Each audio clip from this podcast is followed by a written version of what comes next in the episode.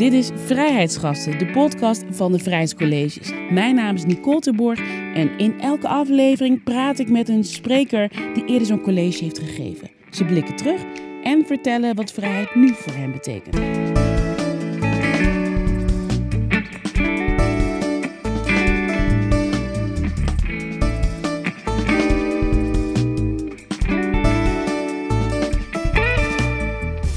Wat ik ook had geïnternaliseerd, wat zo schadelijk is, is dat alle positieve vooruitgang in de wereld per definitie niet voor mij is. Je moet je verhouden tot die buitenwereld en kijken hoe je juist je individuele talent kan inzetten in dienst van de wereld om je heen. Je hebt heel veel vrijheid, maar je hebt ook verantwoordelijkheid om die vrijheid te beschermen en hem goed door te geven aan de volgende generatie. Hij is schrijver, rapper, columnist, dichter en onlangs verscheen zijn boek Je hebt ons niet ontdekt, wij waren hier altijd al. Vandaag is de gast Massi Hoetak. Yes. Ik, uh, wat mij gelijk opvalt, is een mattenklopper op, jou, ah, uh, ja. op jouw vinger. Ja. Uh, ik ben uh, Afro-Surinaams, ik heb daar gelijk ideeën bij. Maar ik ben heel benieuwd, Ja. waarom draag jij een, een, een mattenklopper? Weet je, wie heeft het jou gegeven? Ja, ik wil precies. Ik heb hem gekregen, kijk, eh, van mijn schoonmoeder. Mijn eh, vrouw is Surinaams. En ehm, ik heb deze ik, in de buurt in Amsterdam-Noord, waar ik ben opgegroeid, heb ik hem natuurlijk altijd bij heel veel mensen gezien. Eh, in het goud, in het zilver, eh, ook wel eens soms aan kettingen. Ik heb ook een Alacondre ketting. Zo. Ook allebei, dus die heb ik tegelijk allebei van mijn schoonmoeder gekregen. Ja, En- Alekondre ketting is een ketting met verschillende steentjes. En het staat voor verschillende, eh, dacht ik, bevolkingsgroepen. Ja. Ja. alle landen, letterlijk alle landen, ketting van de culturen van Suriname. En ja, ik had ooit geleerd van een vriend op, op het plein waar ik ben opgegroeid van, eh, je moet hem krijgen. Dus ik dacht altijd van, ik kan hem niet zelf kopen, ik moet hem krijgen. En toen op een gegeven moment heb ik hem met kerst van mijn schoonmoeder gekregen met die ketting. Eh, dus vandaar dat ik een mattenklopperring draag. En wat zei ze toen ze dat aan je gaf? Want je geeft een mattenklopper niet zomaar meestal, hè? Nee, ze, eh, wist dat ik hem graag wilde. Dus daarom gaf ze hem, hem ook aan me. En ze zei van, ehm, ik eh, hoop dat dat je heel veel rust brengt. Want eh, ik heb ook een, eh, ik best, best wel veel Surinaamse vrienden. En een andere, ik noem hem mijn oom, oom Hesdi. Ja, want Hij- jou, jou, jouw roots liggen in Afghanistan, Ja, hè? Maar even, hè? Zeker. ja. Afghanistan, Nederland en eh, Suriname, hoor ik nu Ja, allemaal. maar, maar ook eh, in Amsterdam-Noord weet je vrienden van allerlei afkomsten. Maar daar komen we straks wel op. Dus ik ben met al die culturen opgegroeid. En we leenden van elkaars culturen steeds allerlei dingen. Samplen noem ik dat ook in mijn boek, zoals in de traditie van hip-hop. Maar eh, oom Hesdi en mijn schoonmoeder zeiden allebei van... de betekenis voor hen voor deze, van de mattenklopper is dat je letterlijk dingen opschoont en rust vindt. Of in ieder geval mentale hygiëne, zeg maar. Dus zoiets iets in die trant zei ze toen ze het aan me gaf. Eh, maar ze wist gewoon dat ik hem heel graag wilde, omdat ik hem heel mooi vind. Eh, dus ik ben heel blij dat ik hem heb gekregen. Ja, zo'n mattenklopper maakt zeg maar de weg vrij. Heb jij nu die rust dan gevonden? Ehm, eh, het is, kijk, je vraagt het me nu terwijl we in een hele strenge lockdown zitten, in een pandemie, waar ik wel onrustig van word. Ik heb de rust gevonden in de zin van dat ik eh, voel dat ik gefocuster ben dan ooit wel, maar tegelijkertijd ook wel bezorgder dan ooit. Eh, en dat heeft ermee te maken, ik ben ook twee jaar geleden vader geworden. Eh, ik denk nu heel erg na over de wereld en de keuzes die ik maak in relatie tot de mensen waar ik verantwoordelijk voor ben. En dat is niet meer alleen ikzelf. Ehm, dus als je me deze vraag twee, drie jaar geleden had gesteld, zou ik zeggen: Ja, ik heb helemaal rust gevonden. Ik weet precies wat ik moet doen. Kijk, waar ik wel rust in heb gevonden, is dat ik gefocuster ben. En dan bedoel ik specifiek: ik heb helderder dan ooit voor me wie voor mij belangrijk zijn en wat voor mij belangrijk is en waar ik tijd en energie in moet steken. Eh, dat had ik lang niet. Eh, en dat zorgde wel voor heel veel onrust. En, en het feit dat ik met mijn schoonfamilie nu ook eindelijk een familie heb. In de zin van dat ik eindelijk die hechte kant van het hebben van een familie ook merk. Ik ben natuurlijk in Nederland met mijn vader en mijn broers eh, heen gekomen en opgegroeid. En ons gezin was super hecht nog steeds. Maar echt zo'n grote familie, dat heb ik nooit op die manier gevoeld zoals ik het nu met mijn schoonfamilie voel. Ehm, dat helpt heel erg bij bepalen van, oh ja, dit is belangrijk, hier gaat het om. En al het andere is eh, bijzaken. Het raakt je alsnog wel eens, je bent mens. Bijzaken kunnen je ook heel erg bezorgd maken. Maar, dus als ik aan jou vraag, wat doet coronatijd? Ja. met jou, dan, dan is er iets anders nu met jou dan Ja. daarvoor. Ja, het, eh, het zet me heel erg aan denken. Het is ook niet alleen corona, het is ook eh, gewoon het politieke klimaat wereldwijd, helemaal in Nederland. Je zal maar een jonge islamitische Nederlander zijn op dit moment, of überhaupt niet jong per se, maar een islamitische Nederlander en dan lezen hoe genormaliseerd moslimhaat is. Dat is iets waar ik me ontzettend veel zorgen om maak. Jouw laatste column ook ging erover, hè? Ja, ja over hoe eh, media eigenlijk dat verkiezingsprogramma, als je het nog zo kan noemen, van de PVV heel feitelijk vermelden. Zonder daarbij alle antidemocratische, racistische tendensen te benoemen en te veroordelen. En eh, toeslagenaffaire, dat er mensen nog steeds zijn die zeggen, mensen van wie je denkt, ik dacht dat we op één lijn zaten, weet je wel. Of- En media die ook zeggen van ja, maar dat is niet echt racisme. Tuurlijk is het fout dat er is gebeurd. Eh, als je kijkt naar wat er bijvoorbeeld. eh, Je hebt ook gerenommeerde hè, media, neem ook Ja. NOS, die gewoon... ja, eh, en ook mijn krant Parool. Ja. Wat, wat in eerste instantie dat programma van de PVV reduceerde tot 140 kilometer rijden en meer geld naar de zorg. Terwijl er dingen in staan als we moeten de islam rigoureus bestrijden. We moeten de straten op en ik weet niet hoe het precies geformuleerd staat, maar ons land terug veroveren. Mensen met een dubbele nationaliteit eh, moeten geen kiesrecht hebben. We zijn voor het, de vrijheid van het onderwijs, maar niet islamitische onderwijs en ook geen Koran en geen hoofddoeken. En iedereen heeft het altijd over hoofddoekjes. Gewoon dat soort dingen, dat zo genormaliseerd is, omdat altijd in en wat doet dat met jou? Ik weet wat het met mij doet, maar ik ben benieuwd wat het met jou doet. Ja, het maakt me heel erg bezorgd om mezelf en mijn familie, om mijn gezin, mijn, eh, mijn kleine van twee. Eh, het maakt me. Ik, ik heb me nog nooit zo onveilig gevoeld in Nederland. En ik ben opgegroeid in het Nederland van post 9-11.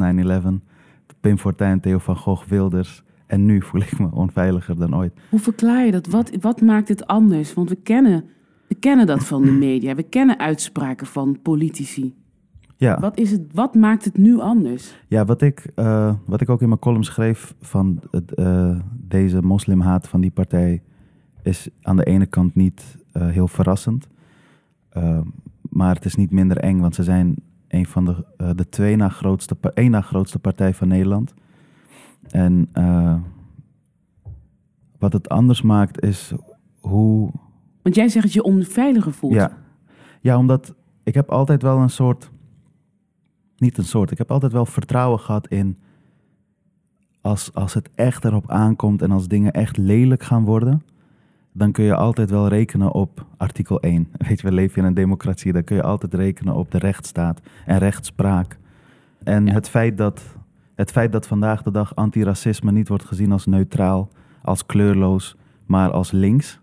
En eh, staan voor gelijkwaardigheid, eh, je basale mensenrechten en, en de basale grondbeginselen van onze democratie worden Mhm. gezien als dat is links en dat is niet iets neutraals.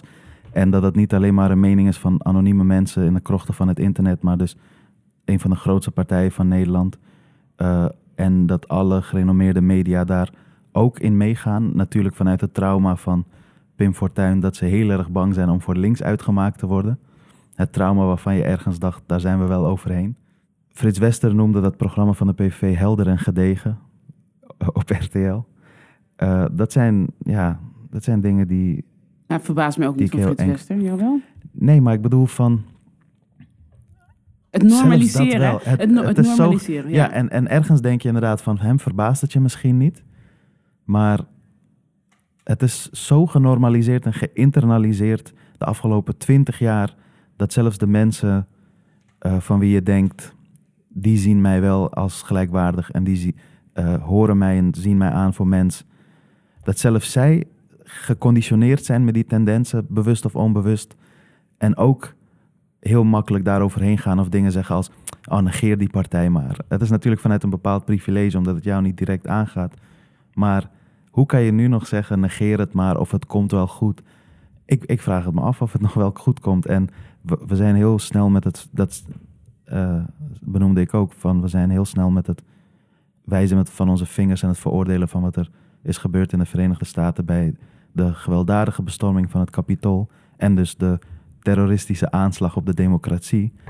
Uh, maar voor een soortgelijke tendens in ons eigen land lijken we toch de hele tijd blind. En ik ben nu in een tijd dat ik denk, we hebben heel veel behoefte aan bondgenoten, mensen die geestverwanten die wel begrijpen van, tuurlijk kan je van allerlei meningen verschillen, maar de grondbeginselen van onze democratie moeten we beschermen. En ook alle mensen die dat aangaat, of het nou jou direct aangaat of niet, je moet juist elkaar beschermen. Dat ook zij dat hebben geïnternaliseerd. En je kan het ze niet kwalijk nemen, want de media zijn heel machtig. En die hebben dat zo vanzelfsprekend de hele tijd maar een podium gegeven. En ehm, ja, niemand, ik weet niet, het lijkt bijna alsof. Ik heb ook een column gelezen in de Volkskrant, een opiniestuk. Uh, dat ook dit benoemde van hé, hey, wat gebeurt hier? Waarom zijn we hier zo ongevoelig voor?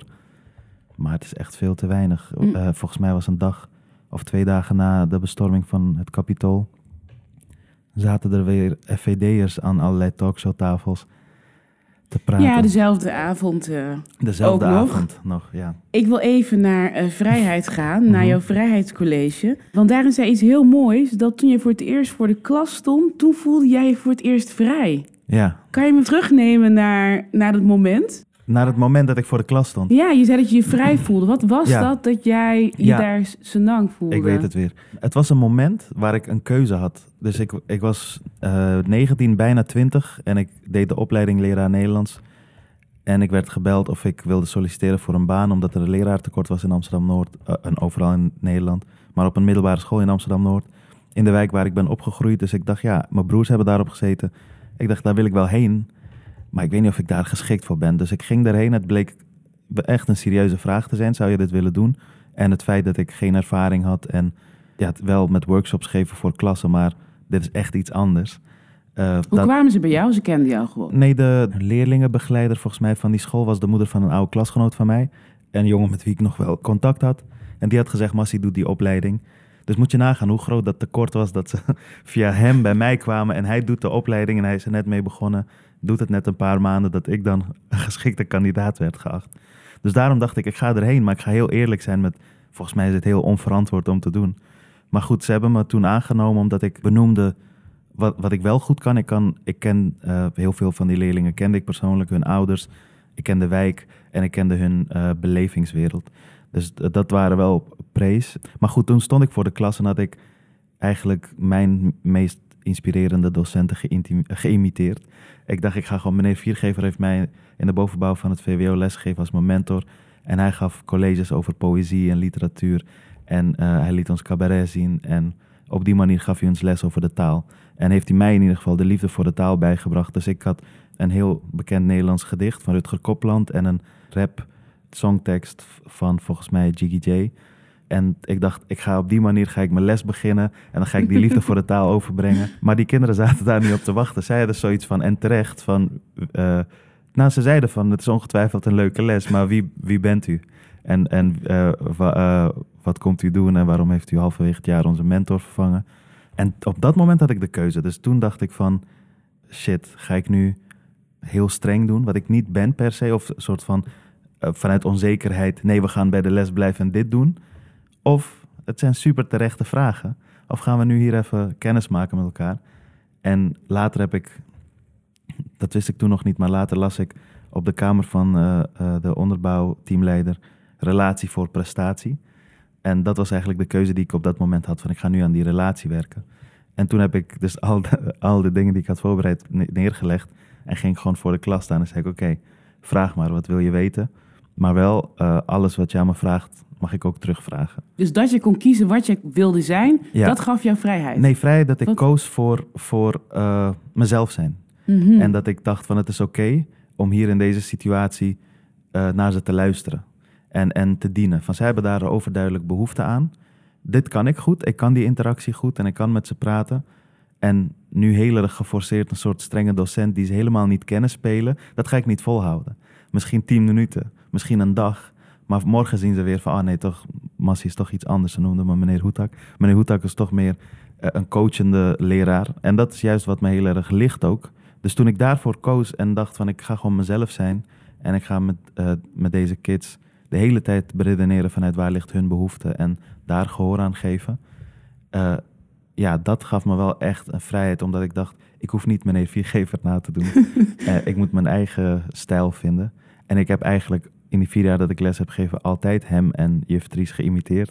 Maar Ja, In- verdries, in een- je verdries gaan we het zo nog Ja, even ja. over hebben. Daar ben ik heel nieuwsgierig naar. Je zei het net, maar ook in het college, dat die leerlingen...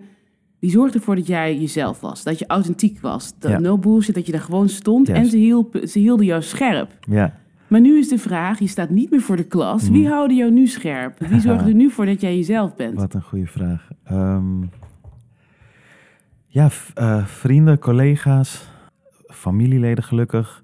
Mensen die me heel goed kennen en die me altijd vragen waarom. Dat is echt een hele goede vraag. Waarom ben je gestopt? Waarom doe je nu dit? En waarom dit boek? Eh, dus dat, dat is heel Hmm. goed. Naast het feit dat ik dat zelf ook doe. Ik ben ook ontzettend zelfkritisch. Maar gelukkig heb ik ook die mensen om me heen. En ik heb ook nog steeds contact met heel veel leerlingen van toen. Omdat we nog steeds in dezelfde buurten wonen. En nog steeds elkaar tegenkomen. En al helemaal ook op het eh, openbare schoolplein van de wereld, Instagram. Daar komen we elkaar ook vaak tegen. Hoe is dat contact dan? Ja, heel goed. Dus ze hebben gezien dat ik dit boek heb geschreven en, en dan eh, sturen ze me een DM van wat vet en wat goed. En, eh, of, of ze reageren heel lief in de comments met allemaal vuur-emojis, weet je wel, van lekker bezig. Eh, en als we elkaar zien, echt eh, op straat, dan het contact is goed, we maken een praatje. En gelukkig zegt ze nu geen u meer. en, maar het was altijd al heel informeel, weet je. We gaven elkaar gewoon ja, ik, ik was een soort broer voor ze. Ook qua leeftijd had ik niet een vader kunnen zijn. Dus we waren heel informeel daarin. En wat ons altijd bond was de liefde voor hip-hop en gewoon popcultuur in het algemeen. En dus ik luisterde naar exact dezelfde muziek waar zij op dat moment Kon je ze wel in toom houden? Ja, kijk, ik vind dus in toom houden niet een prettige uitdrukking. Tuurlijk waren er momenten, maar ik had dus vanaf dag één geleerd luisteren naar waar zij behoefte aan hebben. Dus als ik een keer een les had waar ik merkte van dit wordt hem gewoon niet. Ze zijn eh, overprikkeld of ze komen net van gym. Dat was altijd verschrikkelijk om ze net na gym te hebben. Ik denk dus dat ze dan energie kwijt kon, dat maar dacht niet... ik ook. Oh. Dat dacht ik ook. Maar ze, ze- ja, ze hadden waarschijnlijk niet lang genoeg les gehad, zeg maar. En, eh, en ze waren dus nog heel energiek. Ja, en dan, dan was het altijd van: oké, waar wat, wat willen jullie? Dit moet er gedaan worden. Dus dit moeten we minimaal deze les doen. En wat doe, wat doe je nog meer? Kijk, er zijn mensen die zeggen: je moet niet op die manier eh, flexibel zijn met leerlingen. Maar ik ben toch van die andere school van relatie voor prestatie, toch uiteindelijk. Van, Vertrouwen winnen, hè? Ja. Voordat je... ja, precies. Ja. En omgekeerd ook. Ik moet hen ook leren vertrouwen. En, en met mijn mentorklassen heb ik dat altijd gehad. Maar ja, nogmaals, het was elke dag opnieuw uitvinden. Elke dag weer. Je kon niet op een gegeven moment denken... die fout heb ik ook een keer gemaakt. Toen ik een hele soe- soepele week had, dacht ik... oké, nu heb ik het. Nu snap ik het. En dan maandag weer van... oh shit, je mag weer helemaal opnieuw beginnen. Dat, dat hield me heel scherp, ja. Drie jaar geleden stond je ook voor een groep tieners. Toen gaf jij je vrijheidscollege eh, in Den Haag. Laten we even gaan naar een, naar een fragment. Met steeds meer moeite sleepte ik mezelf tien jaar geleden elke ochtend van bed naar douche en van huis naar school en van les naar les en van toets naar toets en van rapport naar rapport en constant in die eindeloze cirkel. Daar waar mijn me- meeste klasgenoten en vrienden zich vrij moeiteloos door die periode heen werkten, kan ik het me herinneren als een van de moeilijkste periodes uit mijn leven. Iedereen, waar ik ook kwam, bemoeide zich constant met mij. Dat is een van de antwoorden die ik kreeg van ja, hoe stond er het tien jaar geleden met mij ervoor in mijn leven? En dat is dat ik, wat ik me herinner is dat waar ik ook kwam, iedereen zich constant met mij bemoeide. Iedereen wist alles beter, gaf mij ongevraagd adviezen. 9 van de 10 keer hadden ze zelf hun levens niet echt op orde. En dit gebeurde zowel in mijn zogenaamde zwarte wijk als op mijn zogenaamde witte school. Ja, wat denk je als je dit terug hoort? Bijna drie jaar geleden. Ja, ehm, ja, ik ben weer helemaal terug in die tijd waar ik hierover vertel. En dat ik echt denk van inderdaad, het was echt zo. Die middelbare schoolperiode, dat, ik vond het echt zwaar.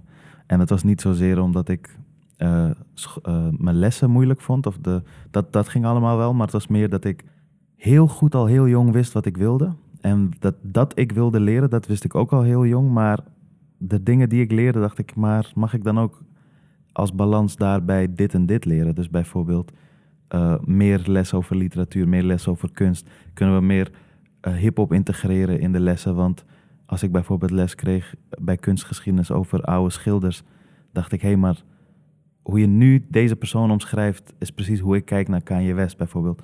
Maar daar was geen ruimte voor. En eh, Dan ging ik spijbelen. Maar ja, wat deed ik als ik ging spijbelen? Ik ging dan naar de biep. En dan ging ik daar dingen lezen die ik wel zelf interessant vond om te leren.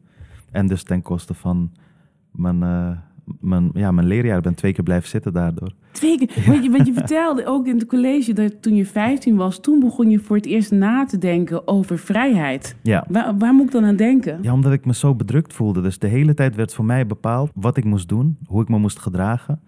En dat ik aan allerlei verwachtingen moest voldoen die ik zelf niet had geformuleerd. Of levenspaden. Dus, dus bijvoorbeeld op school ongeacht het feit dat ik al heel jong wist waar mijn talent lag en dat ik dat aan het ontwikkelen was, werd dat op school niet echt gezien, behalve dus door meneer Viergever. Maar dat zorgde er niet voor dat ik mijn diploma makkelijker kon halen, omdat, want uh, iemand zei dat laatst heel goed, die zei van, nog steeds zit ons schoolsysteem zo in elkaar dat je op je eindexamenlijst zo goed bent als je slechtste vak, zeg maar. Of op je rapport ben je zo goed als je, en, en niet zo goed als je beste vak. Ik ben twee keer blijven zitten in 5 VWO omdat ik steeds een onvoldoende had voor wiskunde. Dat is de enige. En dat werkte gewoon niet voor mij. Ik begreep daar gewoon niks van. Maar eh, van huis uit had ik een enorme druk, omdat het bij ons in de familie traditie is dat je gaat studeren en dat je echt doorstudeert en uh, uh, ja, goed opgeleid bent. en daar dacht ik ook, dus ik zei ook tegen mijn vader van ik denk dat ik een jaartje wil werken. En ja, want even, even schetsen. Uh, jouw vader, die dacht, ik heb uh, drie zonen. Ja. En ik wil een goede toekomst voor ze hebben. Ik wil ze de vrijheid geven zoals ik ben opgegroeid in Kabul. En ik wil dat ze ook geven. Dus ik ga naar Nederland en ik neem mijn zoon hier mee ja. uh, naartoe. Dus hij is naartoe gekomen voor jullie vrijheid. Ja. En dan moet je naar huis en dus ja, eigenlijk precies. vertellen en van... hé, hey, ik red het niet op school. Precies wat je zegt. En dan specifiek vrijheid en kwaliteit van onderwijs. Was voor hem een van de allerbelangrijkste pijlers van überhaupt de democratie. Maar ook om te bepalen waar gaan we dan heen. Dus voor hem was dat toen Nederland. Hoe heet je vader eigenlijk? Want hij zit zo in dat college. Hoe heet hij? Uh, Abdul Wahab. Abdul Wahab. Yes. Oké. Je zegt het goed. Abdul Wahab Hutak, nog steeds een van mijn grootste voorbeelden. En hij, ja, hij dus dat onderwijs uh, heel hoog zitten, heeft hij heel hoog zitten. En dat ik dan tegen hem moest zeggen dat ik, ik... Ik was al twee keer blijven zitten en toen heb ik toch mijn eindexamens gehaald. Op een gegeven moment heb ik HAVO gedaan en ik werd net niet van school gestuurd. Maar niet dus omdat ik me zo misdroeg, maar puur omdat ik dat wiskunde niet begreep. En op een gegeven moment dus heel veel ging spijbelen, naar de biep ging. Maar na dat allemaal te rug te hebben gehad, moest ik ook nog eens tegen hem zeggen... ik denk dat ik een jaartje wil werken. Dat was in eerste instantie, was dat natuurlijk not done. En hij zei van, ja, je moet heel veel schade inhalen... en je moet gewoon doorstuderen, doorknallen, doorgaan, doorgaan. En hij had ook wel gelijk ergens dat hij zei... als je eenmaal werkt en eenmaal in dat leven komt... is het heel moeilijk om dan weer te gaan studeren... Dus dat was weer een ander voorbeeld van een verwachting. En allemaal druk wat ik om me heen voelde van mensen. Dus die vader die jullie hiermee naartoe ja. heeft genomen, school die iets van jou ja, eiste. school wat van mij en, en de wereld om mij heen die... Ik keek heel erg op naar rappers uit Amerika en artiesten uit Amerika. Maar ook in Nederland, maar de Nederlandse hip-hop scene was by far niet wat het nu is. En ik moest de hele tijd voorbeelden vinden om te noemen van het kan wel, geloof me. Ik kan wel leven hiervan. Ik kan wel leven van muziek en van schrijven. Alleen ik heb geen idee hoe. En ik zie ook niemand dat allebei doen. Pepijn van de jeugd van tegenwoordig, dat herinner ik me als een heel helder moment in de kantine. Dat er toen uh, was een soort tijdschrift wat gratis op scholen werd uitgedeeld. Onder andere in Amsterdam, dat heette 020. En ik bladerde daar doorheen in de kantine. Zag ik ineens een column van uh, Pepijn van de jeugd van tegenwoordig. En toen dacht ik, hé, hey, maar dit is dus ook een vorm wat ook kan. Ik weet nog dat dat heel belangrijk was voor mij. En toen ik zijn column las, dacht ik, dit is precies hoe ik hem ook zijn teksten hoor zeggen. Dus het is precies dezelfde stijl, dezelfde persoon, andere vorm. Dit kan misschien ook. Uh, en kort daarna ben ik voor een hiphopblog gaan schrijven. Dacht ik, oh ja, dit werkt. En, maar het was zo moeilijk voor mij om een voorbeeld te geven aan iemand, omdat het was niet dat mijn vader mijn talent niet zag of niet respecteerde, maar hij zei, dat is een hobby. En um, Jij kon niet verwoorden, niet aan mensen duidelijk maken dat hip-hop een ja. manier was. En toen kwam Shema nog, een leerling van ja. jou. En wat zei hij tegen jou in de klas? Ja, kijk, dus ik was mentor van Shema en ik zei de hele tijd een mentor van uh, tweede klassers. En die moesten uh, in de tweede klas uh, stages lopen. En die moesten keuzes maken voor welke profielen ze kozen in de derde klas. Oriënterend op welke opleidingen ze gingen doen. En ze zijn 13 en 14, hè, dus veel te vroeg. Um, en ik zei de hele tijd, juist vanuit mijn eigen ervaring, wat vind jij interessant? Waar liggen jouw talenten? eh, baseer die keuzes daarop. Ja, mijn meester, mijn ouders verwachten dit. En eh, me, eh, andere docenten zeggen dit. En, zus, en ik zei, ik, ik herken dit heel erg, maar volg je eigen interesse. Ga daar gewoon voor. Mix zo hoog mogelijk en dan, en dan zie je wel. Vrijheid moet vanuit je eigen talenten komen, zei ook tegen hè? Ja, Dus, en dan, dan ga je vrij voelen. Dus vanuit mijn eigen verhaal. En toen zei Shema, ja, maar doet u dat dan wel? Eh, is, was lesgeven altijd al uw nummer één keuze? En dat was best wel confronterend. Dat was niet mijn nummer één keuze, wel nummer drie. Was Omdat- het een lijpe money maken? Wat zei ze ja, nou? gewoon, zij zei van, wat zei ze nou? Ehm, Oh ja, ze zei, eh, meester, waarom bent u eigenlijk meester? Waarom gaat u geen gekke, gekke money maken met iets lijps? Juist, waarom gaat u geen gekke money maken met iets lijps? En dat was wel... dat Goed was advies, hè? Super goed advies, kritische vraag, heel helder geformuleerd. Toen ze dat vroeg, dacht ik, ja, hoe ben ik hier eigenlijk beland? Ik ben hier ingerold, ik zit nu vier jaar later hier nog steeds. Ik vind het te gek, het is een van de mooiste dingen die me is overkomen. Maar ik wist wel dat ik daar niet zou blijven. Ik wist wel dat, dat het een tussenstation was. En dus toen ze dat vroeg, zei ik, ja, mijn allereerste droom was altijd muzikant en schrijver worden. Daar, daarnaast wilde ik heel graag advocaat worden of lesgeven, dus door meneer Viergever. Daarom ben ik ook die studie gaan doen. En toen ik het daarover had, eh, zei ze, maar waarom bent... Ik zeg, ja, maar ik heb het idee dat ik hier wel een verschil kan maken. Eh, en misschien lijkt het heel klein, maar alleen al het feit dat wij zo'n gesprek hebben... of ik een van jullie raak of positief inspireer of iets... Dat, is, dat betekent voor mij de wereld. En dan ga ik hier heel voldaan weg. En op een gegeven moment zei ze... Misschien moet u ons het beste voorbeeld geven door wel daarvoor te gaan. Door wel gewoon daar... Dat was wel echt. Ja, maar, maar dit is één voorbeeld hè, van dit soort gesprekken dat we daar hadden. Zo scherp en slim. En voor mij wel, ik wil niet eens confronterend zeggen, maar ook wel gewoon eh, verhelderend ook wel voor mij. En ehm, ja, dat was één voorbeeld. En later ben ik haar tegengekomen. Dat zei ik ook in mijn college. En toen zei ze van, eh, wat doet u nu? en toen zei ik, ja, ik maak gekke money met iets lijfs. en zij had mij gezien, eh, volgens mij in een krant. En toen zei ze, ik, ben, ik had dit en dit gezien, ik ben echt trots op u. En zij was inmiddels op de stewardessenopleiding in Hoofddorp. Dus eh, dat feit dat zij dat tegen mij zei, ik ben trots op u. Dat was echt... Ik, ik, ik weet niet of ik de leerlingen zoveel heb geleerd als zij mij in al die jaren. Ik heb er gewoon ontzettend veel van ze geleerd. Dus eh, ja, dat was Shema. En een, en een docent die jou veel heeft geleerd is Tries. Ja, juf Tries, ja. Daar gaan we nu naar luisteren. Oké, ik keek op naar juf Tries, omdat zij mij dus de liefde voor taal, lezen en schrijven bijbracht. En dat deed ze als volgt. Als wij gingen voetballen in de pauzes en ik verloor, werd ik altijd heel boos. En dan ging ik schelden en mijn vieze woorden zeggen. En toen ze- gaf zij mij als straf een A4'tje. Zei ze, schrijf dit vol met gedichten aan eh, klasgenootjes. En die ga je aan het eind aan ze geven. En je mag niet sarcastisch zijn en je mag niet cynisch zijn, je moet het menen. En dus dat deed ik dat. En een van die gedichten, een vierregelige tekst over stilte, zond juf Tries, zonder dat ik het wist, in voor een poëziewedstrijd die ik won. En we mochten met de hele klas naar het land van ooit. Ja, heeft deze gebeurtenissen invloed gehad op jouw ehm, idee van vrijheid? Ja, als ik nu terugkijk, wel. Op dat moment was ik er niet zo mee bezig. Ik, Maar nu terugkijkend? Toen ik dat vertelde en dat opschreef, begreep ik het niet zoals ik het nu begrijp waarom mijn eerste gedicht over stilte ging. Dus Dus omdat- drie jaar geleden bedoel je? Ja, drie jaar geleden begreep ik dat nog niet zo Oh, goed. Nu, nu ben ik heel erg, omdat ik ook vader ben, heel erg terug aan het kijken op mijn eigen jeugd en ook op mijn recente jaren van, Je hebt Hoe- een zoon, hè? Van ja, oud? van net twee. Oké. En, en ehm, ik ben heel erg bezig met ook eh, hoe ben ik zelf geconditioneerd en hoe heb ik allerlei dingen geïnternaliseerd. Dus ik had toen de tijd, eh, voelde ik me. Wij kwamen, dus ik kwam in, de klas van juf Tries in Amsterdam-Osdorp. Dat was de eerste openbare school in Nederland waar ik terecht kwam. Ik had daarvoor anderhalf jaar eh, langs allerlei AZC's met mijn gezin getrokken. En steeds on- onzeker of we mochten blijven of niet. En het was allemaal tijdelijk. En eh, je maakte wel vrienden en heel snel, want ik was zes, zeven jaar. Maar je verliet ook altijd weer die plek. Ik dur- durfde niet zo goed vrienden te maken. Ik durfde niet zo goed. Ik sprak de taal ook nog niet zo goed. Dus ik had geleerd van, ik ga allemaal gewoon stilhouden. En ik ga gewoon zo netjes mogelijk opvolgen wat juf zegt. Eh, en ik kan goed voetballen, dus dan win ik wel hun respect op het schoolplein. Maar in de klas, al die leerlingen in juf haar klas zagen eruit als de kinderen in die AZC's. Dus echt de wereld in een klas. Alleen zij spraken supergoed Nederlands. Dus ik was, eh, heel, heel bang en onzeker. En ik durfde niet zo goed te praten. En dus vandaar dat ik nu dit hoor en denk, oh ja, ik weet Hoe waarom. oud was je? Eh, bij juf Tries negen, denk ik. Acht? Mhm. Negen. Hm.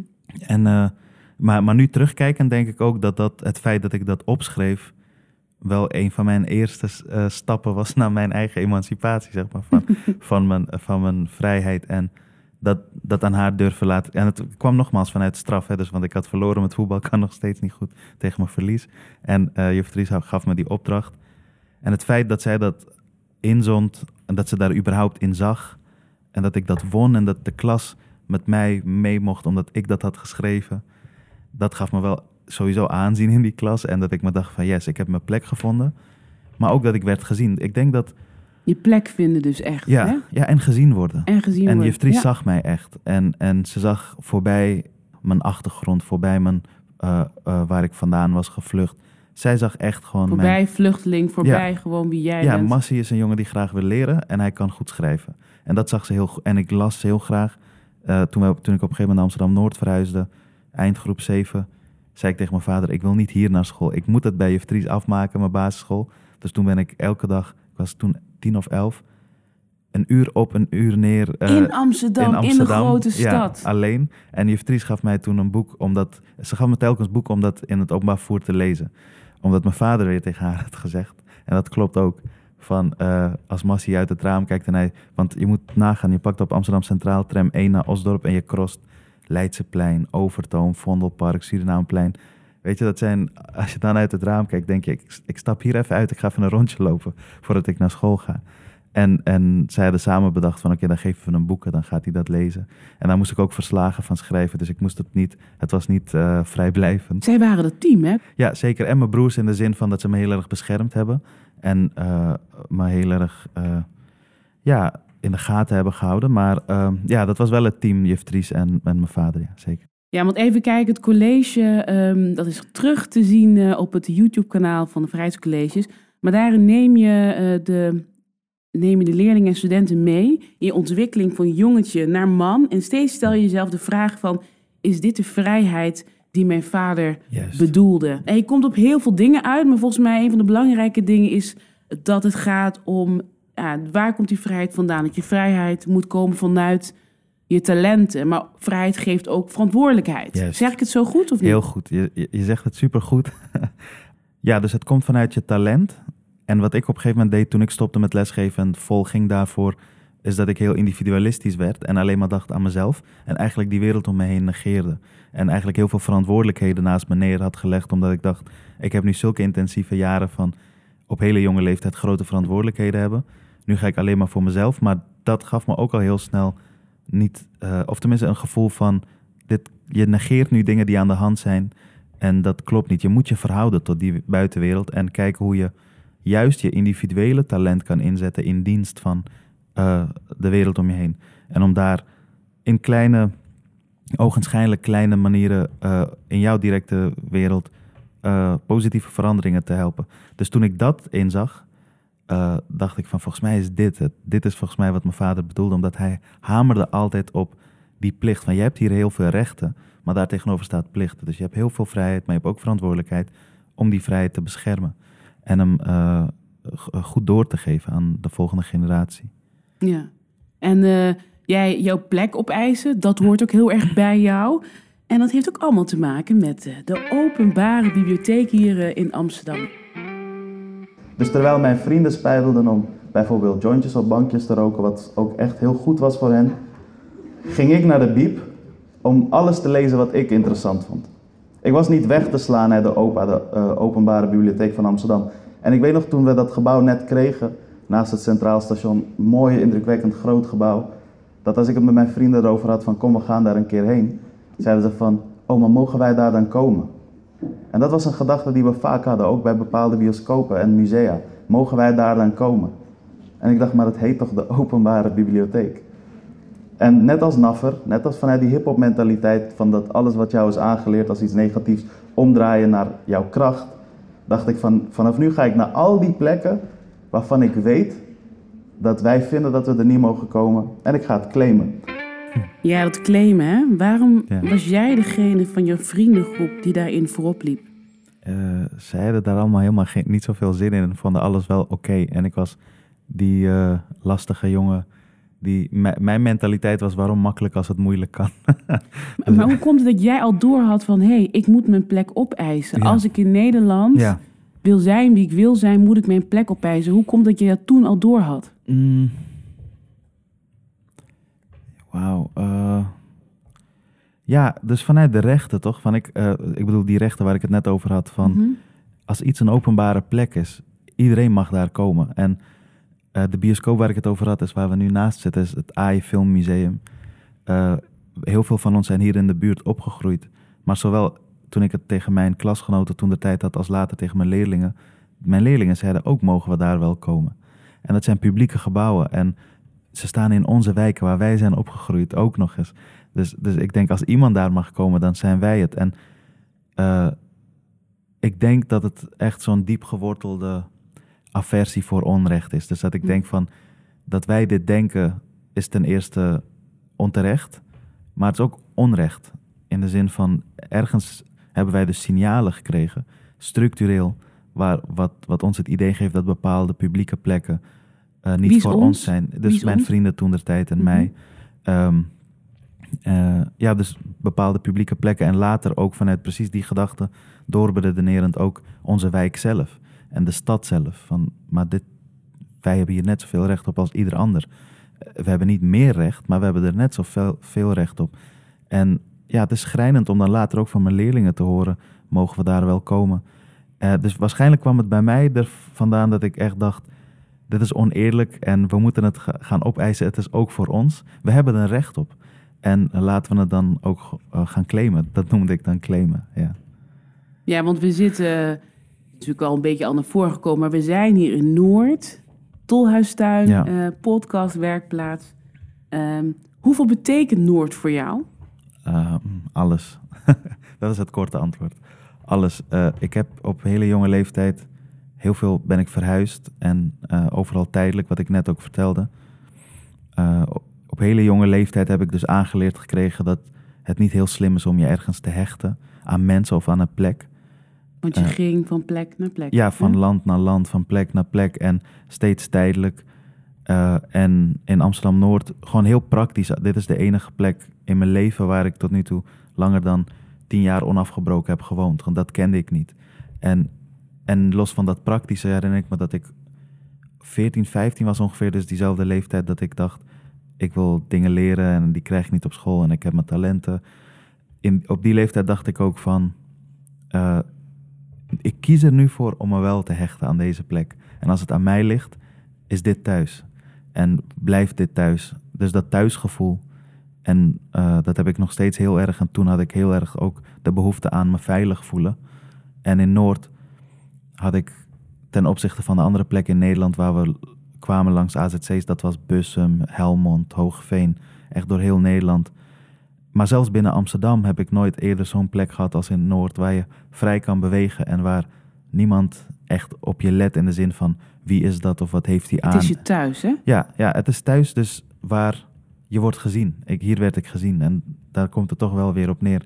En niet meteen gezien als ho- eh, hoort hij hier wel en mag hij hier wel zijn. Gezien worden. Ja, gezien worden en ook eh, vanuit wat je kan en vanuit je talenten en niet zozeer hoe zie je eruit, wat is je achternaam en waar zijn je ouders geboren. Hm. Dat had ik in Noord, dus dat betekent voor mij thuis. Ja, want op allerlei manieren zet jij je in eh, voor Noord. Je hebt een boek pas geschreven. Je ehm, theatervoorstellingen doe je, maar ook ex acties onderneem je om ervoor te zorgen dat Noord blijft wat het is. Al is de verandering niet tegen te houden. Ja, Ehm, we gaan het er straks weer nog meer over hebben, maar eerst even naar een fragment. En toen vroeg ik me weer af, is dat misschien de vrijheid die mijn vader bedoelde? Het recht en de ruimte en de veiligheid om te spreken en om gehoord te worden. En het recht op topbegeleiding voor alle kinderen van alle sociale klassen. Een plek waar iedereen dezelfde kansen heeft. Ik stelde mezelf de vraag, kan vrijheid bestaan zolang er ongelijkheid is? Die ongelijkheid, dat is waar je voor vecht hier in Noord. ja. Kan dat? Kan er vrijheid bestaan als die ongelijkheid er is?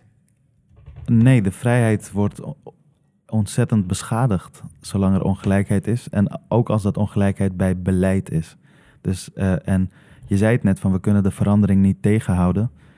Um, waar ik altijd heel erg op probeer te letten, omdat het een van de belangrijkste lessen is die ik zelf heb geleerd, is dat dus die stedelijke ontwikkeling die wij nu meemaken in Amsterdam-Noord, dat is niet een natuurlijk proces. Dat is niet slechts verandering. Het is het resultaat van onveranderd wanbeleid, wat bewust specifiek mensen in Noord en bewoners in Noord heeft gesegregeerd. Dit is bij wet bedacht van alle zogenaamde kwetsbare bewoners van Amsterdam door de geschiedenis heen. 100 jaar geleden de oude Jordanezen, tot dan later de uh, arbeidsmigranten en de nieuwkomers, werden allemaal in Noord geplaatst. Van weet je wat, ga maar daar bij elkaar op een schuitje en uh, zoek het maar met elkaar uit. Waardoor niemand in Noord wilde wonen en niemand hier doodgevonden wilde worden. We waren ook niet echt Amsterdam. En nu ineens hebben alle grote projectontwikkelaars hier goud in de grond gevonden en zijn, uh, worden wij weer verdrukt. Terwijl wij denken, yes, eindelijk wordt er geïnvesteerd in voorzieningen waar wij recht op hebben. Maar heel snel merk je al dat alles naar jou communiceert. Ja, we gaan het mooier maken en al die voorzieningen brengen, maar jij moet ook tegelijkertijd weg. Het is niet voor jou. En uh, niet voor jou bedoel ik de specifieke en sociaal-economische klasse. Niet voor de arbeidersklasse, waar Noord voornamelijk vol mee zat en nog steeds zit. Um, en als ongelijkheid dus op die manier beleid is, mm. En ongelijkheid überhaupt, maar ik wil het echt blijven benoemen dat het echt beleid is en niet een natuurlijk proces. Mensen moesten hier naartoe. Mensen ja, worden nu hier geplaatst. weggejaagd ja, eigenlijk. Ja, ja, Dus we werden hier allemaal geplaatst. En uh, de mensen die hier bijvoorbeeld als arbeidsmigranten kwamen... en op een gegeven moment besloten om in Nederland te blijven wonen... die hadden niet de kennis en macht en middelen om te kiezen waar zij wilden wonen. Zij werden bij elkaar geplaatst. De grote Turkse gemeenschap in de Molenwijk... grote Marokkaanse gemeenschap in de Vogelbuurt... Uh, dat, dat, dat is niet een natuurlijk proces geweest. Amsterdam Zuidoost is een goed voorbeeld van een experiment dat mislukt is. En als je daar. Nou, ik woon er en uh, daar is het ook in volle gang. In volle gang, precies. En, en dus, dus toen ik voor mijn onderzoek ook andere steden in Europa en in Noord-Amerika bezocht, heb ik precies diezelfde beweging ook gezien. En op een gegeven moment zag ik echt van. Wat, dus waar ik het net over had, wat ik ook had geïnternaliseerd, wat zo schadelijk is, is dat alle positieve vooruitgang in de wereld per definitie niet voor mij is. Dus als de buurt vooruit gaat, tuurlijk gaan wij er niet op vooruit. Tuurlijk eindigen wij bij slechte banen en in slechte huizen. Het is zo schadelijk dat ik dat zo geïnternaliseerd had. En op een gegeven moment zag ik van nee, maar het is ten eerste niet zo simpel dat het slechts verandering is. Verandering is een natuurlijk proces. Sociale verschuivingen horen bij een stad, tuurlijk. Maar niet ten koste van de mensen die die stad zijn karakter en cultuur geven en gaven. En uh, dat is beleid. En dat is een grote aanslag op onze vrijheid, zeker weten. Het recht op huisvesting is een universeel mensenrecht. Dat is een basaal mensenrecht. Dat wordt structureel geschonden door woningcorporaties, door uh, onze gemeenten die alles maar toelaten. Ja, want hier ligt het boek. Uh, je hebt ons uh, niet ontdekt. Wij waren hier altijd al. Dat gaat door gentrification, gentrificatie. Ja. En je, het is een journalistiek, maar ook een persoonlijk verslag... waarbij je langs verschillende steden gaat om te laten zien dat het overal beleid is... Uh, maar in het boek breng je niet alleen een verslag, je komt ook met uh, oplossingen. Maar wat me ook opviel, je vertelde iets, ook iets over de uh, blonde vrouw op de bakfiets. wat dat doet met de mensen hier in Noord. Waar staat zij symbool voor? Ja, kijk, ik ben blij dat je zegt waar staat zij symbool voor. Want die wordt altijd eruit gepikt door iedereen, de blonde bakfietsmoeder. Ja, omdat we, zijn kijkdieren, visueel. Dus ja. ik vind het wel een mooie. Zeker, zij, zij vertegenwoordigt Kijk, ik heb met mijn buren voor mijn boek en überhaupt veel gesproken over uh, wat vinden we eigenlijk wat er gebeurt in de buurt. En, en um, zo'n groepje bakfietsouders, en mensen lachen als ik dit zeg, maar zo'n groepje bakfietsouders vertegenwoordigen een beweging in de buurt. Een nieuwe sociaal-economische groep die in de buurt komt wonen, wat een direct gevolg heeft voor onze sociaal-economische positie. Namelijk de huren gaan omhoog. Uh, sociale huurwoningen worden verkocht of zijn verkocht aan bijvoorbeeld deze groep. Maar ook er komen nieuwe scholen bij, terwijl er al ontzettend veel scholen waren. En uh, scholen waar deze groep ouders actief aanwezig zijn om zich bijvoorbeeld te bemoeien met extra activiteiten, bijlesscholing, et cetera. En dat zijn het, ik wil niet generaliseren, het zijn het niet allemaal, maar ze vertegenwoordigen die beweging. Dus toen ik het daarover had met mijn buren, zeiden zij van, ik vind eigenlijk zo'n groepje bij elkaar steeds intimiderender worden. Het maakt me bang omdat het gaat zo snel en het vertegenwoordigt die beweging wat mij uit de buurt wegdrukt. En dat dus vond ik als zij zo'n bakfiets zien, dan denken ze van... hé, hey, straks kan ik niet meer betalen om hier te wonen. Ja, een groepje, dat een is belangrijk. Ja. Om, omdat, omdat Ja. het is zo belangrijk om dat soort eh, beelden te reframen en de framing te veranderen. Want als je een groepje jonge mensen op een plein hebt met capuchons die muziek luisteren op hun telefoon, of het nou overdag of 's avonds Hm. is, is dat per definitie eng of gevaarlijk of intimiderend. Terwijl ze in hun eigen buurt zijn, waar ze zijn geboren en getogen. En met al die nieuwe bewoners in de wijk heb je ook nu de zogenaamde WhatsApp-buurtpreventies, extra beveiligingscamera's, die deze jongeren die in deze wijken zijn geboren en getogen criminaliseren. Terwijl ze doen wat ze doen, leven in de buurt, omdat school, thuis en werk niet per se veilige plekken voor hen zijn. Helemaal niet nu in de lockdown. Zo. En ze zijn juist op een plein, op een openbare plek waar ze weten dat er naar ze wordt gekeken en waar ze in de gaten worden gehouden. Dat is ook hoe ik ben opgegroeid. Maar er werd altijd naar dat type jongeren gekeken als intimiderend en eng. En nu krijg ik dus van mijn buren te horen van... ik vind een groepje bakfietsouders eigenlijk intimiderend... omdat zij vertegenwoordigen een eh, beweging... wat onze sociaal-economische positie meteen verzwakt. Macht, hè? En, en ons precies macht. En eh, mensen met korte lijntjes naar andere mensen op posities van macht. En die eh, dingen voor elkaar krijgen.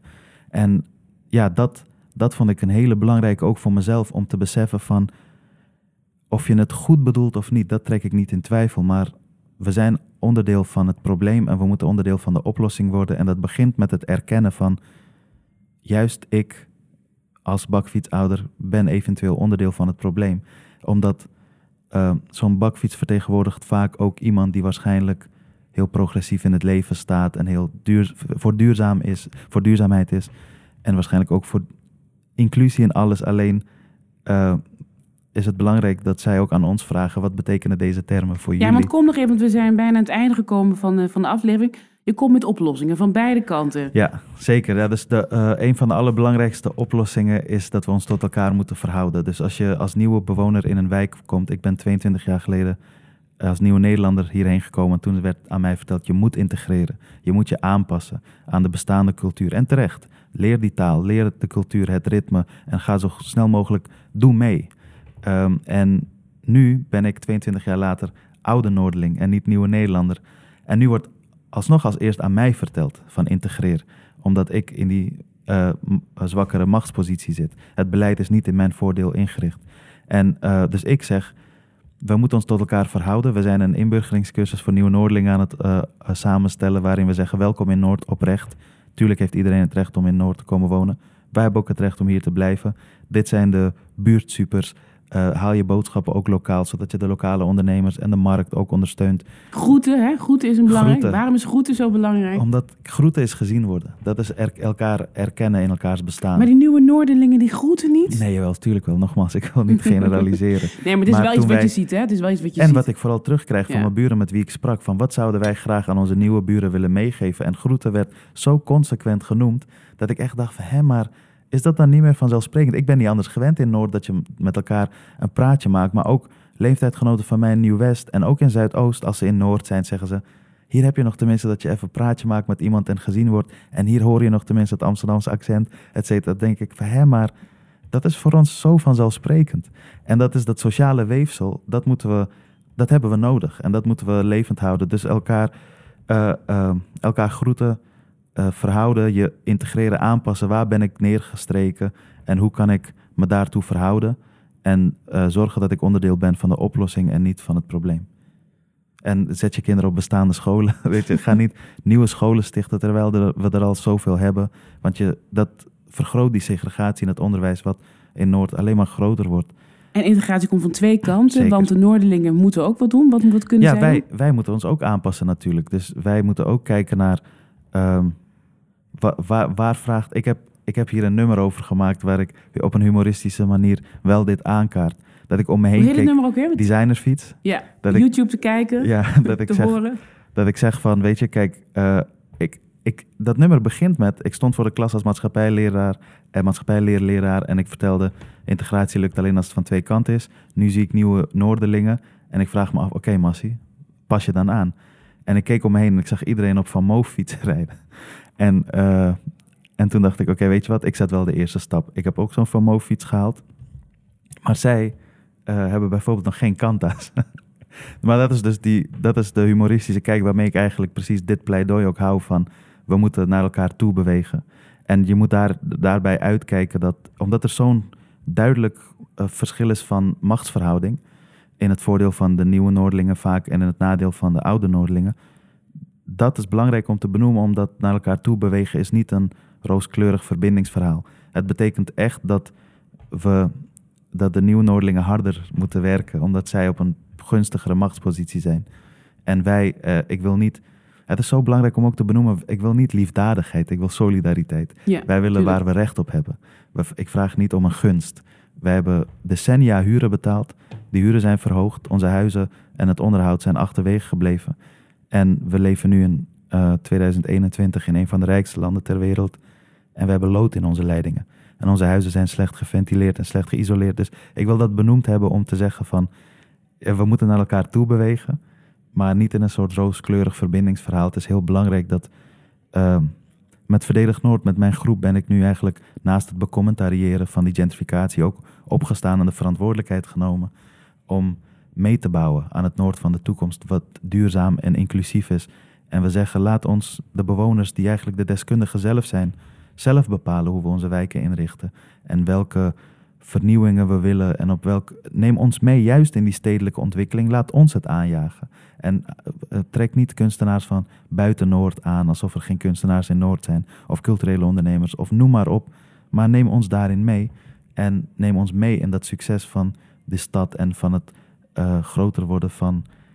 Luisteren ze naar je? je ze luisteren ze naar je, beleidsmakers? Ik weet zeker dat ze mijn stukken lezen en dat ze uh, luisteren in die zin, maar luisteren Um, we spreken twee, fundamenteel twee verschillende talen. Zij, zij spreken nog steeds de taal van dat zij nog überhaupt heel erg geïnformeerd moeten raken over, hey, wacht even, ik ben onderdeel van het probleem. Ik heb uh, de dingen onderschat omdat ik mezelf in een gunstigere levensomstandigheid bevind en die urgentie niet voel.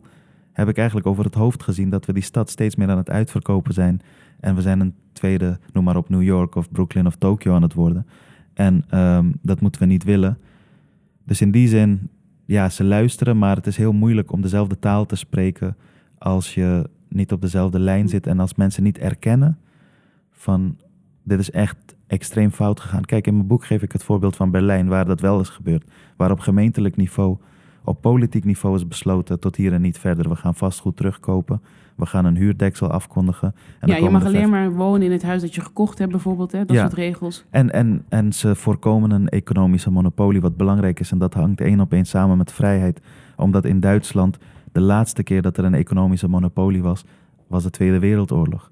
En na de Tweede Wereldoorlog hebben zij een uh, een wet, een bijna grondwet, een artikel geformuleerd dat ze alles moeten doen altijd om een economische monopolie te voorkomen. Dus als er nu grote projectontwikkelaars naar Berlijn gaan die duizenden woningen opkopen, dan zegt de gemeente van hé, hey, dat artikel zegt dat dat niet mag. Als jij duizenden woningen hebt, heb jij een economische monopolie en dan kun jij de huren opdrijven. En dat is in het nadeel van de huidige bewoners van Berlijn. Dus dat, zij hebben op politiek en gemeentelijk niveau die keuzes durven maken. Barcelona heeft hele heldere keuzes durven maken om massatoerisme te voorkomen, om Airbnb te verbannen. Dus het kan. En hier werd nog heel hm. lang gezegd, ja, maar wat jullie doen, dus wederom komen we weer bij het begin, we willen gelijkwaardigheid, hm. ben je meteen een activist. Ben je meteen links. Wat jullie doen is activisme, dit is politiek. Terwijl ik denk het beschermen van onze rechten is ook is, is politiek. En dat zouden jullie ook moeten doen. Je noemt het kritisch burgerschap. Noem kritisch burgerschap, actief burgerschap is, is niet activisme hm. per, per definitie, toch? Opkomen voor je rechten en mensen die daarvoor verantwoordelijk zijn, verantwoordelijk houden, is niet activisme.